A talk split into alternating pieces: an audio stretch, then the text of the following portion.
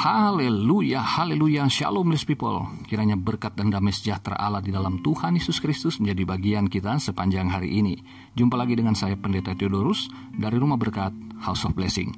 Tema kita hari ini adalah Allah yang mengistimewakan manusia, bagian yang kedua, pelajaran kehidupan, penciptaan hari ke-6.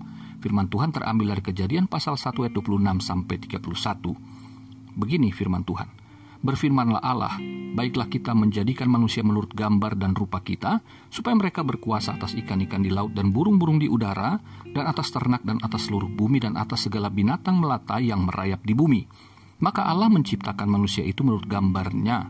Menurut gambar Allah diciptakannya dia. Laki-laki dan perempuan diciptakannya mereka.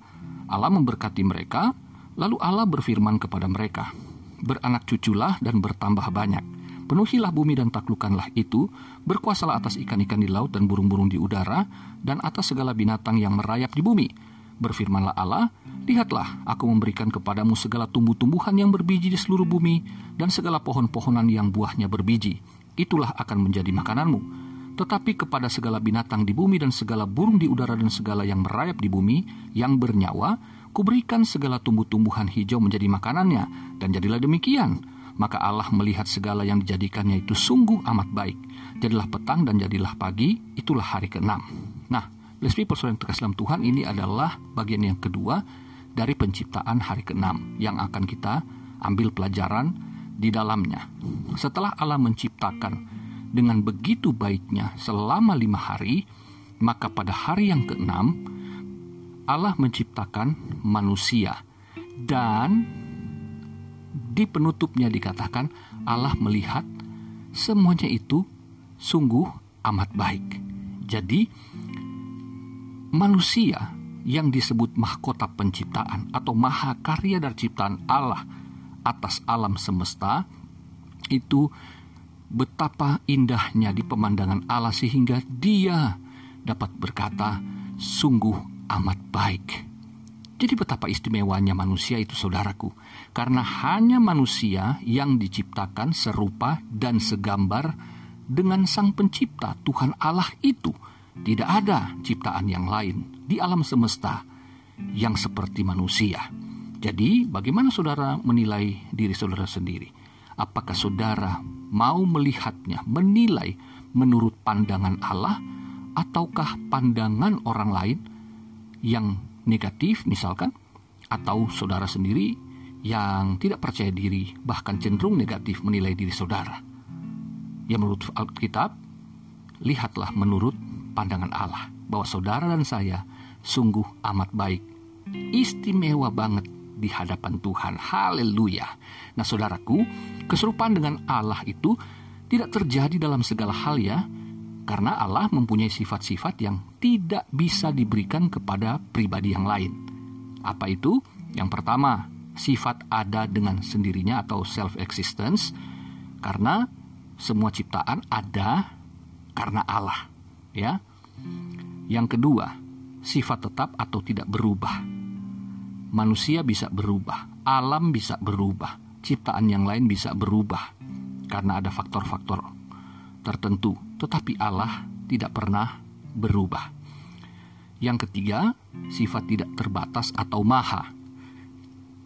Ciptaan tentu punya keterbatasan, termasuk manusia meskipun serupa dan segambar, tapi hakikatnya kita adalah ciptaan, sementara Allah itu sang pencipta. Jadi, ketidakterbatasan atau kemahaan hanya dimiliki oleh Tuhan Allah. Nah, keserupaan manusia dengan Allah itu lebih bersifat dua hal, saudara. Yang pertama, fungsional, ya. Jadi kesurupan itu lebih bersifat fungsional, ya. Jadi bukan sekedar konseptual. Manusia dalam hubungan pribadinya dengan makhluk lain itu menjadi wakil Allah, ya. Lalu manusia diberi hak menyelidiki, menguasai dan mempergunakan segala sesuatu di sekitarnya dan manusia memerintah atas nama Allah. Luar biasa bukan? Istimewa sekali bukan?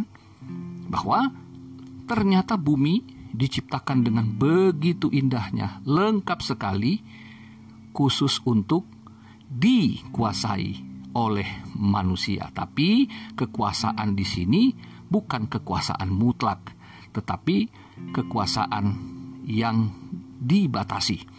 Saudaraku, sebagai wakil Allah, manusia tentu harus mencerminkan Allah itu sendiri kepada ciptaan yang lain. Ya. Jadi di sini betapa istimewanya manusia itu karena makhluk yang lain itu tunduk kepada manusia, baik yang ada di darat, di laut maupun yang ada di udara. Dan manusia diberikan kuasa untuk mengelolanya. Jadi menguasai sini lebih kepada mengelola ya. Dan jangan lupa manusia melakukan semuanya. Dia memerintah bumi ini atas nama Allah, bukan atas namanya. Kenapa? Karena manusia hanya mandataris Allah. Dia hanya diberi kuasa untuk mengelola, bukan memiliki bumi. Dia diberikan kuasa untuk menikmati hasil bumi, bukan untuk memiliki bumi itu sendiri.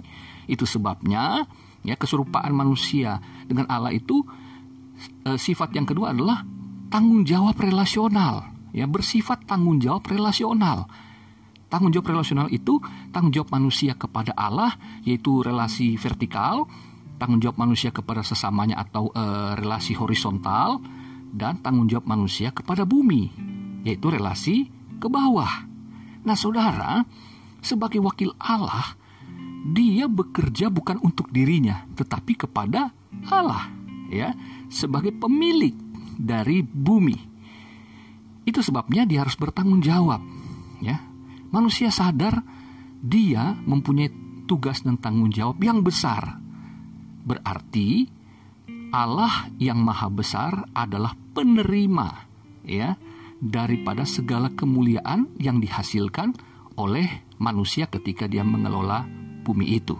Dalam kehidupan sehari-hari, saudara, pelajarannya bagi kita, kita harus sadar bahwa Allah memberikan kita kuasa, arah Allah memberikan kita mandat, kemampuan-kemampuan untuk mengelola kehidupan ini dan mengelola apa yang ada di bumi. Dia percayakan. Jadi ketika kita mengerjakan sesuatu, ingat saudaraku, Allah mengawasi kita. Sang pemilik itu mengawasi kita. Ingat ya, Yusuf ketika digoda oleh istri Potifar, Yusuf tidak mau untuk tunduk pada istri Potifar meskipun mereka hanya berdua di kamar karena dia berkata bagaimana mungkin aku berbuat dosa kepada Allah? Karena dia tahu Allah ada di situ mengawasi dia saudara. Jadi ketika kita bekerja ketika kita berusaha berbisnis kita melayani Tuhan di gereja pun ingat tanggung jawab terbesar kita ada pada Tuhan Allah. Dia yang memiliki semua yang ada pada kita bahkan termasuk diri kita bukan? Lalu Kemudian kita ingat juga kita punya tanggung jawab kepada sesama yaitu manusia ya secara horizontal. Jadi ketika kita bekerja, kita ingat kita punya atasan, pemimpin, maka kita harus bekerja dengan sungguh-sungguh sebagai bentuk pertanggungjawaban kita kepada Allah yang pertama, yang kedua kepada pemimpin kita. Ya, jadi jangan terpisah saudaraku ya.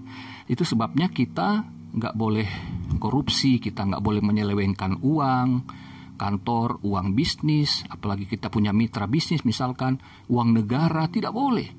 Kita harus jujur, berintegritas, karena kita wakilnya Allah. Allah itu setia, maka kita pun harus setia. Kita punya tanggung jawab sebagai anak kepada orang tua. Ya, kita bagaimana ketika dipercayakan untuk sekolah, untuk kuliah, pergunakan itu dengan sebaik mungkin karena orang tua bekerja keras demi menyekolahkan anak-anak, demi menguliahkan anak-anak. Pakai kesempatan itu dengan sebaik-baiknya, ya. Uang yang dihasilkan itu tidak mudah diraih, sebab itu anak-anak harus bertanggung jawab dengan kepercayaan yang orang tua berikan melalui pendidikan mereka. Nah, demikian juga dengan pekerjaan Tuhan, pelayanan gereja sama aja. Semuanya punya tanggung jawab kepada Tuhan dan kepada sesama. Saya sebagai gembala saya juga punya tanggung jawab harus hati-hati karena saya mengembalakan jemaat miliknya Tuhan. Ya, kepada Tuhan saya bertanggung jawab, tetapi juga khotbah-khotbah saya, pengajaran saya, saya harus hati-hati, saya harus belajar sungguh-sungguh dan berdoa agar saya menyampaikan firman Allah dengan baik dan benar. Karena tanggung jawab saya kepada mereka juga kalau mereka hidup bertumbuh karena iman berdasarkan firman Allah yang diajarkan dengan benar, maka tanggung jawab saya mereka akan bertumbuh dalam iman dan diberkati Tuhan. Tapi sebaliknya kalau saya salah mengajar, saya menyesatkan mereka, Tuhan marah sama saya dan mereka juga akan menuju kebinasaan. Wow, betapa besar tanggung jawab itu bukan? Nah saudara, dan itu juga mengakibatkan kepada relasi kita ke bawah ya, tanggung jawab kita ke bumi. Karena kalau kita berbuat serong ya, dalam rumah tangga juga, suami atau istri tidak setia kepada pasangan. Ya, kita serong di dalam pekerjaan, dalam pelayanan. Tidak jujur, tidak benar, berbuat jahat. Itu berdampak juga kepada bumi, kepada berkat yang dapat dihasilkan karena bumi itu kan tempat kita mengelola di mana Allah memberkati dan memberi kita makan, bukan memberi kita rejeki. Rejeki kita juga akan terhambat. Karena ulangan pasal 28 ayat 23 berkata, kalau kita serong dari Tuhan, tidak setia kepada yang tidak melakukan firman Allah, maka langit menjadi tembaga, tanah menjadi besi. Maukah saudara demikian? Tentu tidak, bukan? Karena kita mau menikmati berkat daripada Tuhan melalui tugas dan tanggung jawab kita sebagai wakil Allah. Selamat beraktivitas, Tuhan Yesus mengasihimu, Tuhan Yesus memberkatimu. Sampai jumpa lagi di sesi berikutnya. Haleluya, bless people.